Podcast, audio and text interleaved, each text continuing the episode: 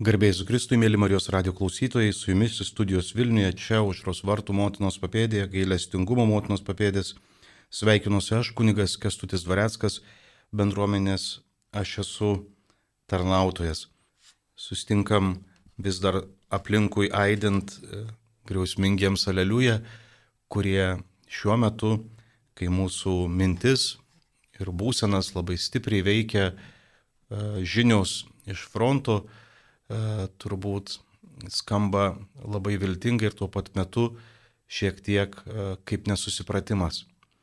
Ir man e, šis laikas labai panašus ir į mūsų pokalbį apie priklausomybių lygas. Kai kalbam apie priklausomybių lygas, mes kalbam apie frontą, kur žmogus mm, tikrai kenčia, nekalbant apie jo aplinką, kuri kenčia be atokvėpio.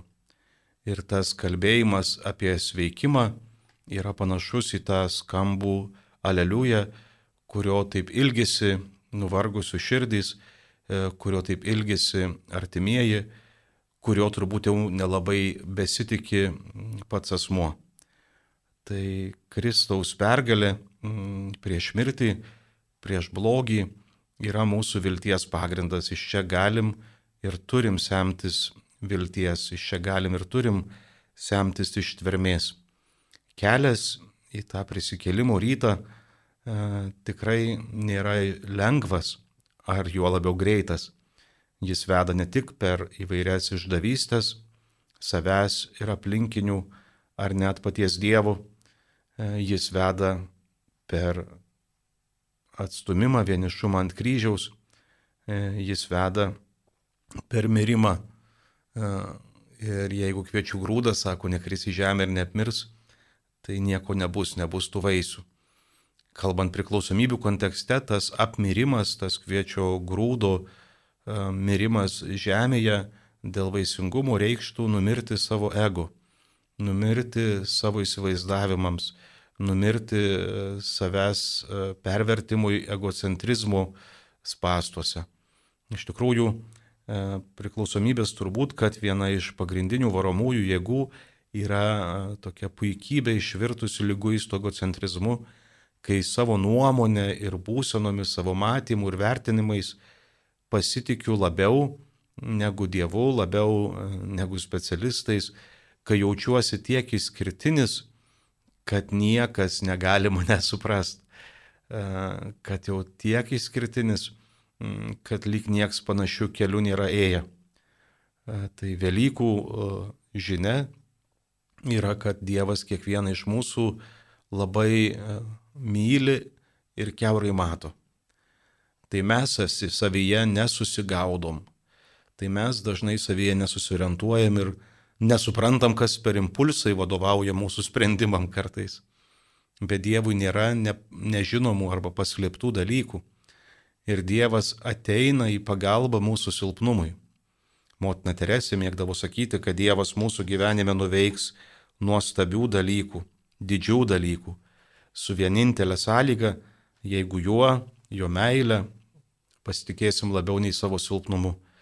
Tai tas apmirimas reiškia savų tokių uh, užkėtėjusių požiūrių, geriausiu atveju atsisakymas uh, irgi neblogas atvejis, bent suabejojimas. Kartais e, pamirštam, kad priklausomybių lygos paveikia ne tik mūsų būsenas, bet ir mąstyseną. Ir nutinka, kad mes prarandam adekvatumą, prarandam sveiką santykį su aplinkiniais, su aplinka ir su įvykiais.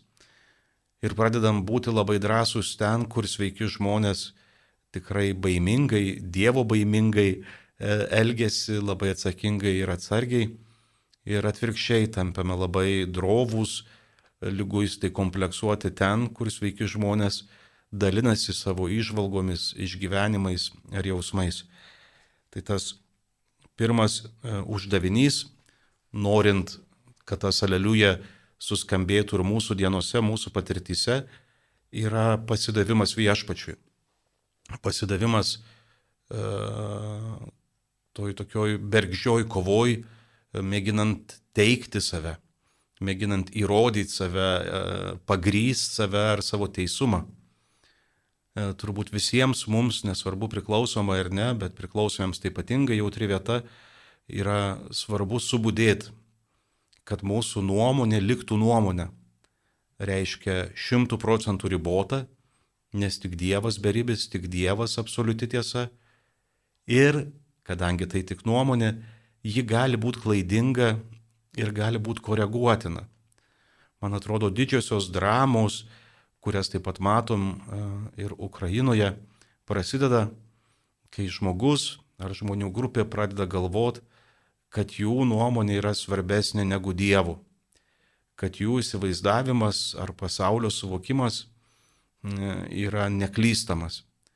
Ir tada prasideda naikinimas. E, tai čia matom labai dideliu masteliu, kaip per padidinamų stiklą, kokia didžiulė tiek skausmų atnešanti jėga yra tas smegenų iškėtėjimas, tas savo nuomonės laikymas absoliučia tiesa, bet mažesniu masteliu e, galim, jeigu tik turėdami akis išdrįstam atsimerkt, tą patį pamatyti ir savo patirtyse, savo gyvenimuose. Kai mes užkėtėjusią galvą ateinam į vairias situacijas ir mėginam save įtvirtinti, naikindami kitus. Tai nėra kova už vertybės, tai nėra kova už, e, nežinau, Dievą, lyg reiktų jį apginti, Petras jau bandė jį ginti, netausi nupjaudamas, bet gavo pastebėjimą, kad nederėtų to užsimti. Esam kviečiami jeigu norim pradėti sveikti, atras savo žmogiškumą. Pirmųjų tėvų nuodėmė yra tas noras būti dievais. Ir man atrodo priklausomybėje e, tos nuodėmės e, šaknies arba to tokio logikos tos pirmosios nuodėmės yra labai daug. Kai aš neįsitenku savo kailį, savo ribose, kai mano ribotumas mane gazdina, vargina, ar kai jį priimu kaip kažką bet kokią kainą keistinu, tuomet visos priemonės tampa pateisinamos. Tai būti ribotais nėra blogai. Būti ribotais reiškia būti žmonėmis.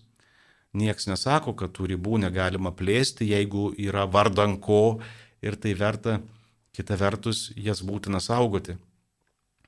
Kažkur girdėjau tą palyginimą apie upę ir jos krantus ir jis tas palyginimas kažkaip jautriai e, turbūt sudėliojo mano tokius e, pasvarstymus apie ribų svarbą. Tai sako, kol upė turi krantus, tol jis rauni, ji turi tikslą, ji teka į priekį, ji tinkama gyvybei, ji gyvybinga. Kai išsilieja iš krantų, ji pradeda pelkėti, ilgainiui dvokti ir netinka gyvybei. Panašiai ir su mumis, kai įtikėję savo kažkokiu visą galybės iliuziją, visą žinybės iliuziją, išsiliejam iš krantų ir savimi, savo nuomonę, savo atkaklumu kažkokiu naglu ar net lyguistų mėginam užlieti kitus, tai mes patys netenkam sraunumo, mes patys tampam dumblas, kuriame murgdydamiesi kitiems aiškinam, kad jie už tai kalti. Tai va tas krantų atradimas ir savo vietos, E, Dievo akivaizdoje atradimas turbūt yra pamatinė e, sveikimo sąlyga. Kad štai aš viešpatie ribotas, ribotai matantis, ribotai suprantantis, tavo visą žinybės akivaizdoj ateinu ir prašau, vesk mane. Nes pats, eidamas pagal savo įsitikinimus, pagal savo kažkokias užgyventas, susiformavusias nuostatas, atsitrenkiu visi į aklygatvį, nes pats savęs neišgelbėsiu. Turbūt vienas iš sunkiausių tų uždavinių pasitikėti, kad yra kažkas, kam aš svarbus, kas mane myli ir kas geriau negu aš žinau. Ir čia kas geriau negu aš žinau, e, turbūt yra ta, reiktų dėti čia tą tokį akcentą, e, nes dažnai galvojam, kad mes geriau žinom, mes e, labiau suvokiam ir kartais tiek stipriai išbujojam toje iliuzinėje visažinybėje, kad imame patarinėti ar net nurodinėti pačiam Dievui. Tai savo krantų atradimas, savo ribotumo atradimas ir nuo tame, tame atradime ne, nepradėti ten savęs plakti ar žeminti, o tame silpnume atsiverti viešpačiui yra pirmas žingsnis į sveikimą, yra pirmas žingsnis iš savo pragaro, kurį neretai savo resursais ir jėgomis patys ir kūrenam. Džiaugiuosi, kad sulaukėme jūsų žinutės. Sveiki, turiu žmoną, esu vedęs. Kai vis dar pamatau simpatišką merginą ar moterį, atkreipiu į ją dėmesį ir noriu pakalbinti, pabendrauti ir galbūt paevangelizuoti, ar kaip katalikas nedarau nuodėmės. Labai ačiū Jums už klausimą. Jame daug tokio, bent jau man šį ryt e, girdisi ir šmaikštumo. E, sveikinu sukūrus e, santuoką ir apsisprendus. Čia va tas apsisprendimas kažkaip suteikia tuos krantus, kad nustojam blaškytis į pločius ir pradedam eiti į gilį. O antra klausimo dalis, aišku, kad mes matom dalykus, e, kurie e, kažkaip mūsų stabdo, pakeri, atkreipia mūsų dėmesį. Tik čia vėlgi labai e, drąsinčiau gerbti savo įsipareigojimą ir krantus, kai aš pradedu pervertinti savo galės ir galvot, kad aš čia tik vat, evangelizuot noriu. Tai nutinka, kad prastai baigėsi.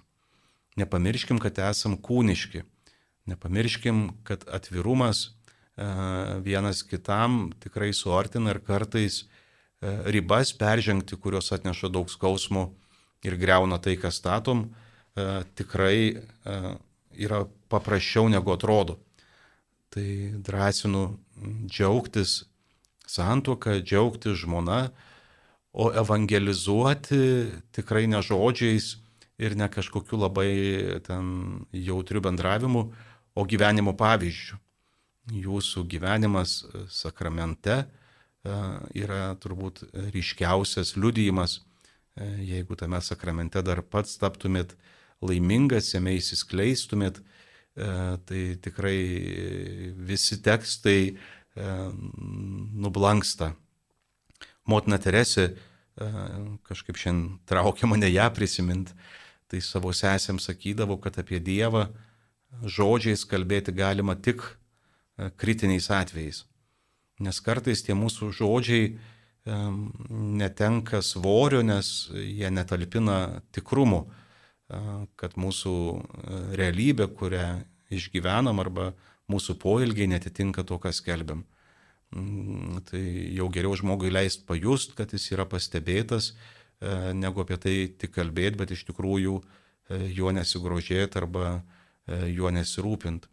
Mm, geriau leis žmogui pajust, kad jis yra mylimas, e, negu ten Rilkė cituot ar kitus didžius poetus ir tuo pat metu siekti visai kitų tikslų, ne, e, kurie nebūtinai yra tokie akivaizdus.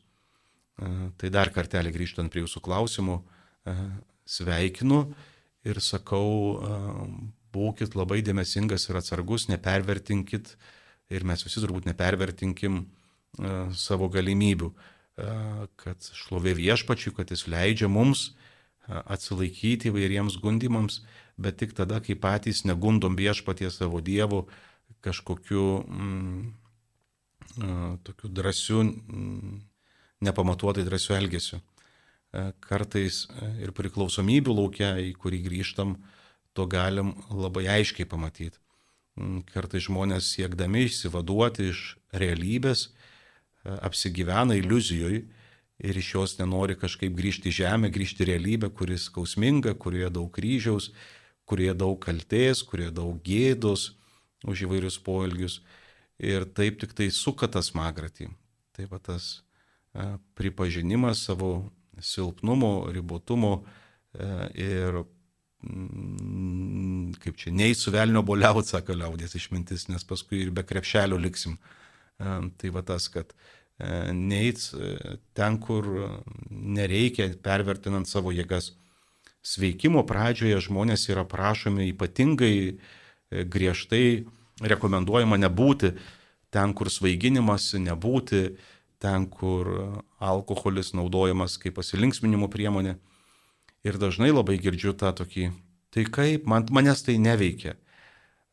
Veikia, norime to ar nenorim, veikia mūsų dalykai ir klausimas tik tai, kokį ilgalaikį poveikį tas mums atneš. Tai geriau negundyti viešpatie savo Dievo. Čia minimumas, ką galim, tai nebūti e, kažkaip pavojingose situacijose e, ir tose pavojingose situacijose vaidinti dvyrius, kol vėl atsitinka e, atkritis ar kita nelaimė ir pradedam galvoti, kas čia atsitiko, taigi aš šitį gero norėjau ar, ar, ar panašiai. Tai tikrai labai e, drąsinu ir jūs, ir visus, e, gerbent savo ribas, ne, nepervertinti tų Hmm, savo jėgų ir visada eiti su viešpačiu. Nesakau, kad ten bėgti kitą kelio pusę, ką nors gražaus pamačius, bet ir ne, neužsibūti tame, nes tai gali tapti stipriau už mus. Tai gali nuspręsti mūsų pasirinkimus. Ar nedarot nuodėmės, jums atsakyti negaliu, hmm, nes čia reiktų turbūt pačiam savo Dievo akivaizdoj pabūt ir paieškotų atsakymų.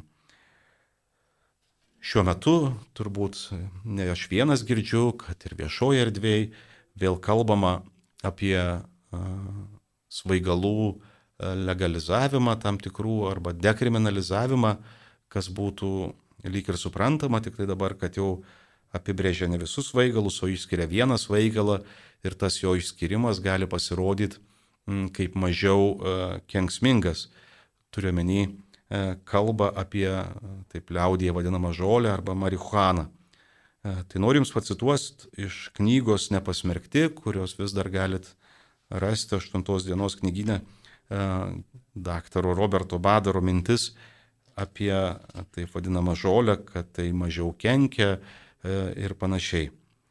Tai cituoju, gerbiamą gydytoją. Mažas kakutis vis tiek yra kakutis. Sakyti, kad kažkas yra geriau, nėra tvirtas argumentas reiškintis, kad tai yra gerai. Problema ir tai, kad žmonės selektyviai renkasi, į kurią informaciją telkti dėmesį, o tai, kas nepatinka, apskritai yra linkę ignoruoti. Neduginčiamas faktas yra tai, kad žolė veikia mūsų smegenis, daro įtaką psichikai. Galbūt kiek mažesnė jų sukeliama fizinė priklausomybė, bet psichologinė, patikėkit manim, yra labai stipri. Savo praktikoje nekartą mačiau žmonės, kurie buvo labai skaudžiai paveikti marihuanos ir be kita ko skundėsi stipri abstinencija. Nemažiau svarbu ir tai, kad taip vadinama žolė, kuri paprastai plinta Lietuvoje, yra gerokai papildyta įvairių cheminių produktų. Nuo natūralių kanapių nemirštame, bet sintetiniai produktai, kurie papildo žolę, gali sukelti net mirtį. Ne tik Lietuvoje, bet ir kitose valstybėse ant žolės mišinių kaip prieskoniai, kurie sustiprina poveikį, pilami sintetikai, cheminės medžiagos. Galima drąsiai teikti, kad visa pardavinėjama žolė, visa pardavinėjama žolė yra daugiau ar mažiau papildyta sintetikos ir todėl kelia didžiulę grėsmę. Gydytojai ir mokslininkai šiandien yra sunerime, kaip sparčiai Europoje daugėja įvairiausių sintetinių kanabinoidų, kurie taip sparčiai kuriami, kad netgi numeruojami tarsi mašinų numeriai. Kai vartojami natūralūs kanabinoidai, taip pat galim kalbėti apie pakeitimus smegenyse, suprastėjusią atmintį, sumažėjusią aikių, bet šie padariniai nėra mirtini. Viskas pasidaro labai pavojinga, kai kalbam apie sintetinius kanabinoidus. Taip atsiranda paauglių, kurie patiria insultus ir tai nebėra teorija tai realiai matomos pasiekmes. Neretai pateikiamas argumentas, kad legalizavus kabutėse lengvuosius narkotikus galima būtų geriau reguliuoti kokybę. Tačiau nepamirškime, kad rinkodara turi savo biochemiją. Pasiūla ne tik reaguoja, bet ir formuoja paklausą. Galim pažiūrėti ir JAV pavyzdį, kur daugelį valstybių marihuana buvo legalizuota ir jos vartojimas gerokai išaugo Buvo daug daugiau hospitalizuota žmonių, kurie naudojo marihuaną diagnozuoti vaikų apsinuodimai. Taip, valstybė gal ir gavo pinigų. Tačiau nepamirškime, kad dėlėtų įvertinti ir tuos pinigus, kuriuos tenka išleisti padedant priklausomiems nuo kvaišalų. Kalbant apie narkotinių medžiagų panaudojimą gydimo tikslais, įdomu tai, kad būtent kokainas XIX amžiaus antroje pusėje buvo panaudotas kaip laidinis anestetikas atliekant vietinį ir bendrąją narkozę. Taigi narkotinės medžiagos gali būti panaudotos medicinoje, Tik reikia įvertinti visus padarinius, įvertinti, ar nėra geresnių alternatyvų. Kanapėje yra daug visokių cheminių medžiagų, kurias vadiname kanabinoidais. Bet pagrindiniai elementai yra du - THC ir CBD. Naturalioje kanapėje esti mažiau nei 2 procentai THC ir apie 4 procentus CBD. THC yra tai, kas duoda kvaitulį, tai kas vaigina. Visos naudingos sveikatai medžiagos yra CBD. Kanapės visada turi abi šias medžiagas. Tik jų kiekiai varijuoja pagal tam tikras proporcijas. Europoje kanapės paplito tik prieš kiek daugiau nei 50 metų. Prasidėjo eksperimentai, kaip pasiekti kuo didesnį svaigulį, padidinant THC. Pradėtos masiškai auginti tokios kanapės rūšius, kurios CBD turėjo labai mažai tada ir prasidėjo visi draudimai. Apskritai galima kalbėti apie penkias skirtingas kanapių rūšis su skirtingomis THC ir CBD proporcijomis. Pavyzdžiui, egzistuoja pluoštinės kanapės, kurios ir Lietuvoje yra įteisintos, bet jų auginimas gana, dažnai, gana griežtai kontroliuojamas. Iš jų gaunamas ne tik pluoštas, bet ir sėklus gaminami įvairūs aliejai. Juos vartojant net ir dideliais kiekiais tikrai nepakenktumėme organizmui. Galima daryti narkotikų testą pasivaišinus tokiais produktais ir jis garantuotai bus neigiamas. Taip pat egzistuoja kanapės, kuriuose dominuoja CBD, iš jų paprastai daromi medicinoje naudojami preparatai.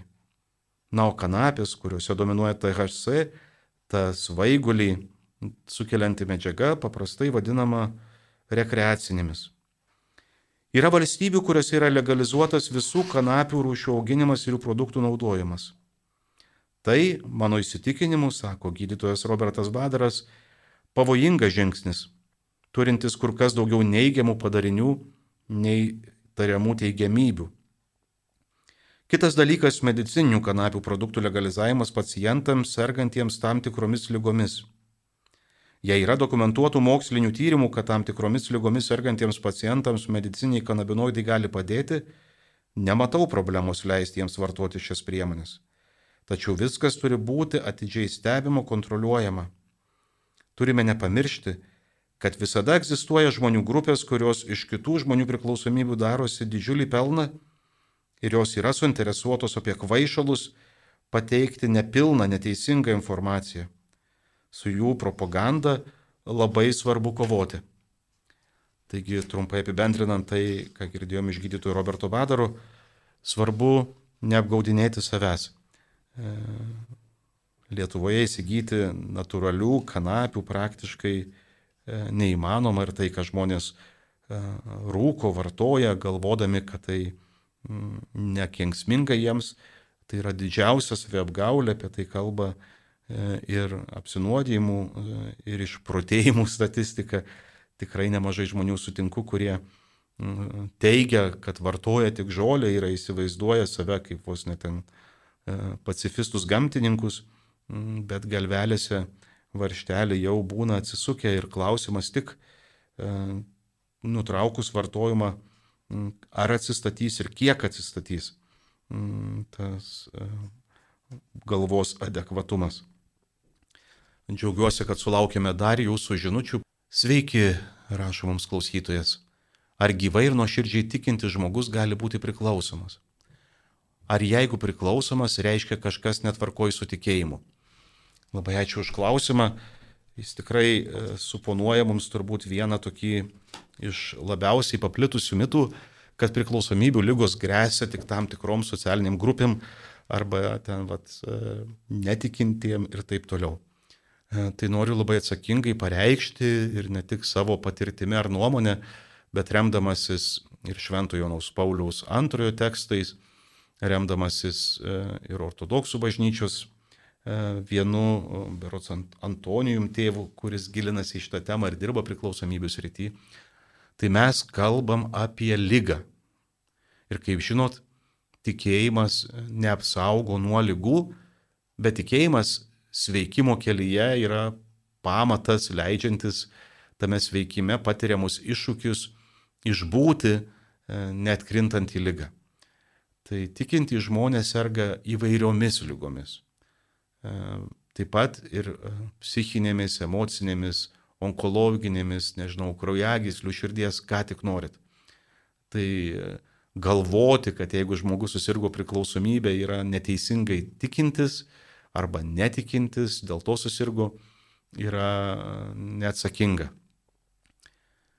Aišku, kalbant apie tikėjimą ir priklausomybės etape, turbūt reiktų pabrėžti, kad tas tikėjimas irgi yra paveiktas priklausomybės. E, dažnai, e, aš taip vadinu, toks priklausomybininko tikėjimas atpažįstamas iš to, kad, kaip minėjau laidos pradžioje, ateinama su aiškiu pasaulio įsivaizdavimu ir mėginama jį primesti Dievui taip pat.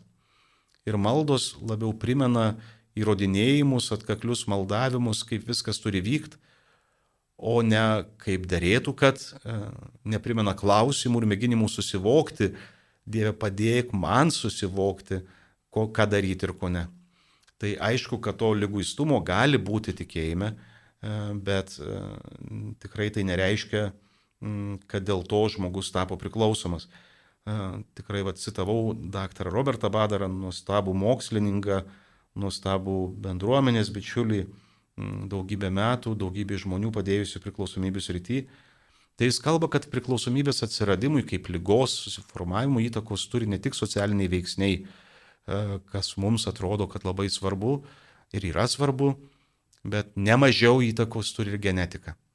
Tai apskritai turbūt kalbant apie ligas, tai reikėtų ieškoti gal ne kalties už tai, kad susirgi, nes turbūt nieks nesirenka uh, susirgti, bet esame atsakingi už tai, uh, jeigu nesigydom.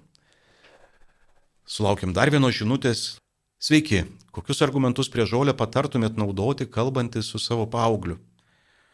Ačiū labai už klausimą. Manau, kad šiek tiek bent uh, užuomenom daktaras Robertas, kuris yra daug didesnis šios srities specialistas, užsiminė savo atsakymę mums knygoje nepasmerkti. Aš gal dar pabrėžčiau, e, kalbantis e, su jaunu žmogumi, tai kad jie dažnai būna prisirankioje tokios dalinės propagandinės informacijos, kuri kartais turi jas savyje dalelę racijos. Ir kai mes e, bandom tada ten neikti, kad baigtų čia visiškai, pilnai nusišneki, tai tada neįvyksta dialogas ir tada argumentų e, tikrai pritrūkstam, mus gali užmėtyti argumentais. Tai yra ten tokių visokių, nežinau kiek čia dera arba yra naudos tos girdimus jaunimo argumentus šį eterį sakyti, bet kai kuriuose juose yra dalis tiesos. Tik žinot, kaip mm, daroma velniški dalykai, tai su mm, gabaliuku tiesos visas kibiras melo pakliūna į mūsų smegenis. Tai turime būti labai kritiški. Tai tikrai labai drąsinu pasiieškoti internete gydytojo Roberto Badaro viešų paskaitų arba interviu su juo, pasiieškoti šiaip literatūros, kad galėtumėm normalius argumentus ne tai, kad kurie nuginkluoja, bet bent priverčia suabejot mūsų jauną kartą e, savo teisumu. Tai labai ačiū Jums už pirmąją laidos dalį. Džiaugiuosi galėdamas pakviestus kartu paklausyti bendruomenės Aš esu namuose gimusios gesmės, kurią kūrė Kristina Žaldokaitė atlieka e, ir sesuo Rita e, ir muziką jai sukūrė Martinas Kuliavas. Tai kartu atsikvėpkim melzdamiesi ir grįšim į eterį.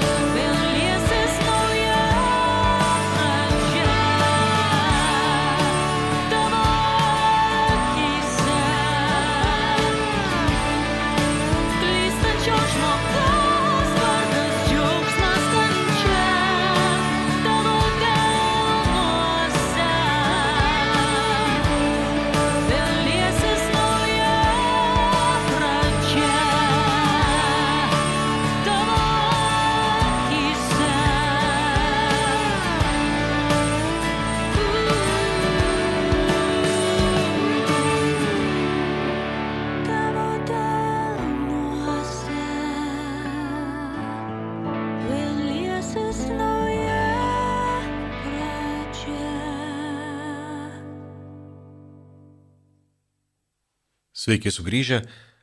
Laidoje Dievas gydo. Šiandien su jumis kalbuosiu aš, kunigas Kestutis Dvareckas, bendruomenės aš esu narys. Ačiū dar kart visiems už klausimus, matau ir pažįstamų numerių, tai kalbėt, kai klauso pažįstami namiškiai visuomet yra padidintas iššūkis. Kita vertus, tai yra ir puikus saugiklis, kad kalbėti tik tai, kuo tikiu, tik tai, ką patyriau tik tuo, ką žinau. E, grįžtant į priklausomybių temą, kuriuose tiek daug kančios ir kuriuose laukiam e, to aleliuja patirties, to prisikelimo patirties, e, tai norisi kalbėti dar apie aplinkinių reakcijas į priklausomų žmonės, taip pat ir tikinčių mūsų kaip tikinčių žmonių reakcijas, kurios ne visuomet padeda. Galbūt jas galima suprasti, jos kyla iš baimės, iš skausmo, iš nežinojimo, iš įsižeidimo ar kitų motyvų, bet nebūtinai mm, toli vedančios, e, padedančios e, sveikti arba krikščioniškos. Tai stačiatikių metropolitas Antonijus Įsirožo, kalbėdamas mm, apie kaltinimus, priklausomos mens kaltinimus, e, mėginimus e, jį kažkaip priverst e, praregėti ir pradėti save žemint, kalba apie tai, kad tai dar vienas aklygatvis. Trumpai pacituosiu. Tiesa, galiu pasakyti, kad priklausomybės yra lyga, kuri gali lengvai pavirsti į nuodėmę, jei ją bejingai reaguotume ir sakytume, na ir ką, kągi aš galiu padaryti. Mes viską pernelyg lengvai paverčiame nuodėmę. Kai mes tik sakome nuodėmė, pradedame atgailauti ir raudoti prieš Dievą. Tačiau šiuo atveju mano patirtimi daug teisingiau sakyti, Gerai, žinoma, tame yra nuodėmės pusė, tačiau yra ir fiziologinė pusė susijusi su šia lyga. Ir būtent tai galiu bandyti spręsti. Nieko nedaryti tai nuodėminga. Su lyga mes turime grumtis. Mes turime prisimti atsakomybę už sveikimą. Taip pat, sako Antonijus, aš tvirtai tikiu, kad dėkingumas šiuo atveju gali nuveikti daug daugiau nei atgailavimas. Žinojimas, kad esame Dievo mylimi tokie, kokie esame, gali mus įkvėpti labiau nei vien raudojimas prieš jį, kokie blogi bebūtumėm. Mano galva, nuodėmingumo akcentavimas, kai sergam alkoholizmo ar narkomanijos lygomis, labai mažai te padeda. Labai svarbu kitų žmonių parama.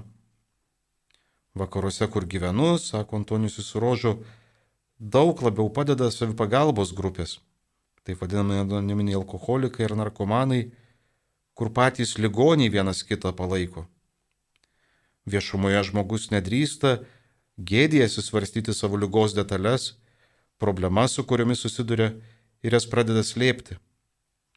Bet kai žmogus atsiduria tarp tokių kaip ir jis, gali atvirai pasakyti taip, aš geriu, taip, aš vartoju narkotikus. Jau vien tai, kad jis gali tai ištarti garsiai, suteikia jam galimybę stot problemos akivaizdon ir gauti reikiamą pagalbą. Svarbu, jog savipagalbos grupėse jau yra tokių žmonių, kurie gali paliudyti savo pavyzdžių žodžius ir aš buvau alkoholio ar narkotikų vergas, o dabar įsivadavau. Moku gyventi su šia lyga. Kai tik žmogus pajunta viltį, jis įgauna papildomų jėgų. Dar vienas svarbus dalykas, kurį visuomenė turi suprasti, kadangi tai lyga, ligonių nevalia atstumti. Aš pats jaučiu, kad senstu ir su kiekvienais metais galiu nuveikti vis mažiau. Baiminausi, kad už tai būsiu smerkiamas ar net niekinamas. Tačiau taip neįvyko priešingai. Pradėjau sulaukti vis daugiau pagalbos. Niekas nesipiktino, kad per liturgiją atsisėdu. Negalima niekinti žmogaus dėl jo lygos taip tik galima jį sunaikinti. Atstumimas paniekina ir žudo viltį, kuri yra grįžimo į gyvenimą pamatas. Man atrodo, iš šitų citatų labai aiškiai turbūt galim jausti tendenciją, kad prieimimas žmogaus su jo lyga nereiškia e, pateisinimo arba pagalbos sirgti, e, bet adekvatus prieimimas reiškia priimu žmogų, kuris taip lyguistai elgesi ne dėl to, kad jis blogas ar ten išskirtinai man nori pakengti, bet dėl to, kad jis serga. Ir tas padrasinimas uh, nukreipti į savipagalbos grupės, kurių turbūt tikrai neįmanoma pervertinti jų, jų terapinio taip pat efektų, uh, galėtų būti mūsų pagalba, kad anoniminiai alkoholikai, anoniminiai narkomanai, ar SAF, ar Alanonas, visos tos grupės veikia mūsų aplinkoje, jeigu neveikia, galim inicijuoti, kad jos atsirastų kiekvienas, kur du, kur trys apsisprendžia, e, ten tos grupės gimsta. Tai mes galim pasidomėti, kur mūsų aplinkoje yra, apsilankyti atviruose susitikimuose, palydėti į atvirą susirinkimą, nes žmogus gali gal ir bijot nueiti e, vienas, bet tai būtų labai apčiuopiama ir reali pagalba. Sulaukime dar e, vienos jūsų žinutės, mūsų laikas jau link pabaigos. Sveiki, rašo klausytojas. Kiek laiko turime praleisti socialiniuose tinkluose, kad tai netaptų priklausomybė? Ar svarbu reguliariai sportuoti tikinčiam žmogui?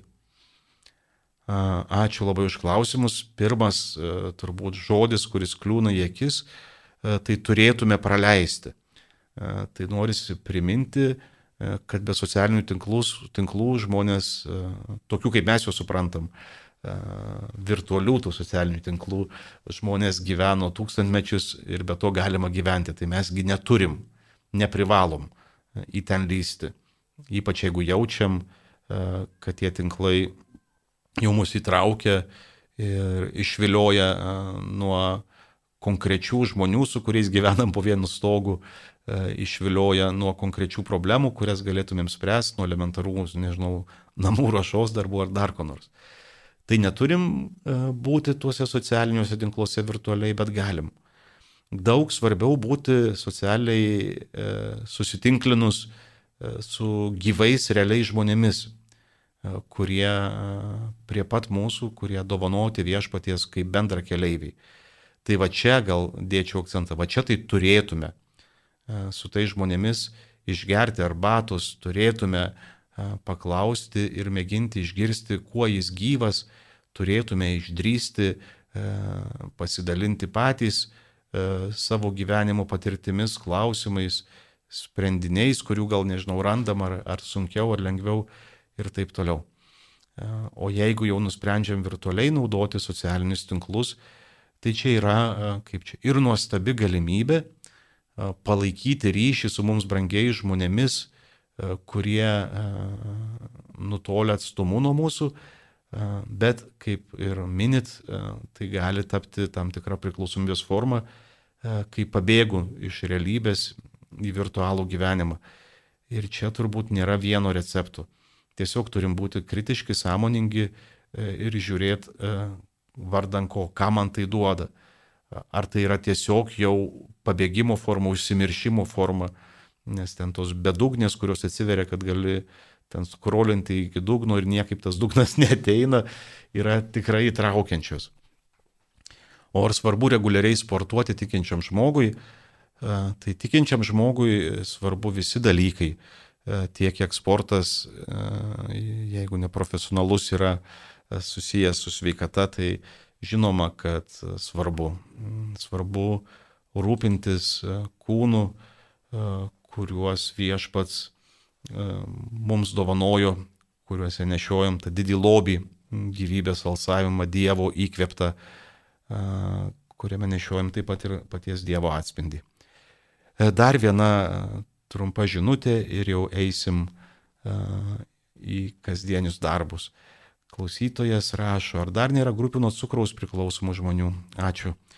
Mano turimomis žiniomis e, tokių grupių dar nėra, bet e, bent jau kažkur viešai registruotų ar veikiančių, bet tikrai girdžiu e, tą kylančią tokią bangą, kai mes atpažįstam, kad tai gali būti problema ir kad bet čia turbūt priskirčiau labiau prie valgymo sutrikimų, kuriuose neturiu daug kompetencijų, e, kuriuose gal turiu tik tai problemų, bet ne, ne sprendinių dar, tai nelabai žinau, kuo stipriai pasidalinti. Tai labai ačiū viešpačiui, kad leido mums šį rytą e, šią valandą praleisti drauge. Ačiū visiems, kurie atsiuntėte klausimus. Susitiksime kitą mėnesį. O dabar užbaikim šio ryto sustikimą malda, su kuria lūpose sveiksta milijonai priklausomybės vargo paliestųjų. Dieve, suteik man ramybės, susitaikyti su tuo, ko negaliu pakeisti, drąsos keisti, ką galiu pakeisti ir išminties tą skirtumą suprasti. Amen.